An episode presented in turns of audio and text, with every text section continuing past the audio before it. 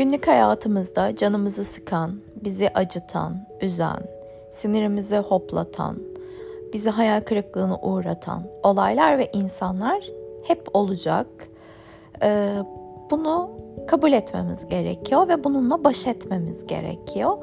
Başımıza geldiği zaman genelde yaptığımız şey hep beni mi bulur diye isyan etmek ve e, onların bize yaptığı gibi bizim de aynı şekilde karşılık vermemiz. Hani genel olarak insanların yaptığı şey bu. Ee, ama bunu yapmanın bir faydası var mı? Tabii ki de yok ve hani kendimize zarar vermekten ya da kendimize kötülük yapmaktan, kendimize saygısızlık yapmaktan başka bir şey değil diyebiliriz.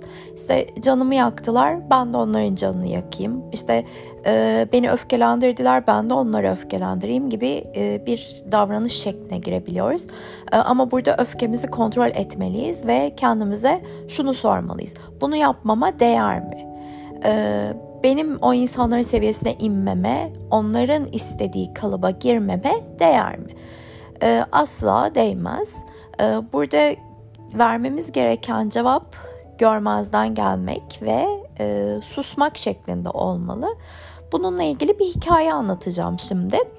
Büyük bir zen ustasının tekne hikayesi bu. Ee, ve bu büyük zen ustası canını yakan, kendisini üzen insanların e, canlarını yakmamaya ve onları üzmemeye çalışmasının nasıl başladığıyla ilgili bir hikaye. Ee, insanlar özellikle kendi seviyesine onu çekmeye çalıştıkları zaman bunu kendisine hakaret olarak gördüğünü anlattığı bir hikaye diyebilirim buna.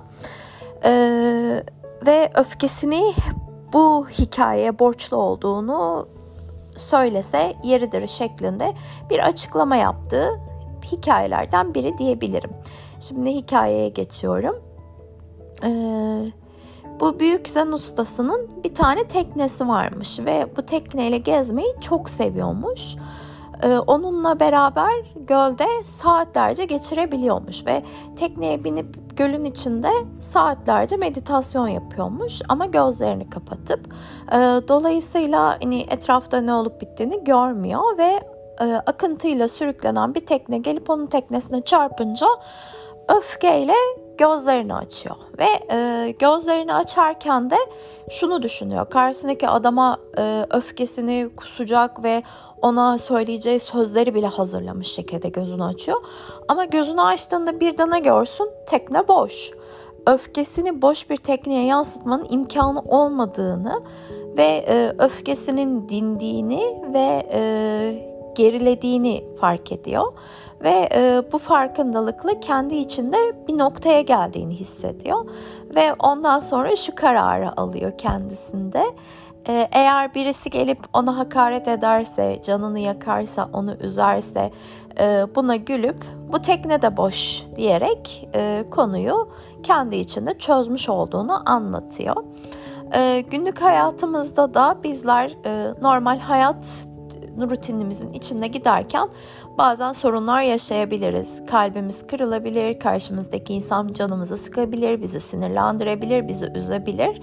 Ee, bu esnada biz de aynı hikayede olduğu gibi e, hiçbir şekilde aynı tepkileri karşımızdaki insana yansıtmayıp e, bu teknede boş deyip hayatın kalan e, yerinden kendi hayatımıza, kendi akışımıza dönüp oradan yaşamımıza devam edersek hayatımız çok güzel bir hal alır diye düşünüyorum. Ee, ben de kendi hayatımda bunu uygulamaya çalışıyorum. Ee, bence siz de bununla ilgili pratik yaparsanız iyi olur diye düşünüyorum. Ee, bu tabi böyle bir günde, iki günde yani bir iki olayla bir iki kişiye öfke kontrolüyle olabilecek bir şey değil.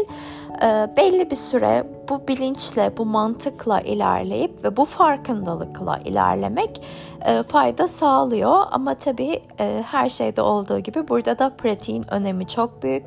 E, belli bir pratik yaparak ve belli bir bilinç seviyesine ulaşarak, belli bir farkındalık halinde olarak e, bunu hayatımıza adapte ettiğimiz sürece gerçekten e, hayatımız daha pozitif ve daha güzel bir hal alıyor diyebilirim.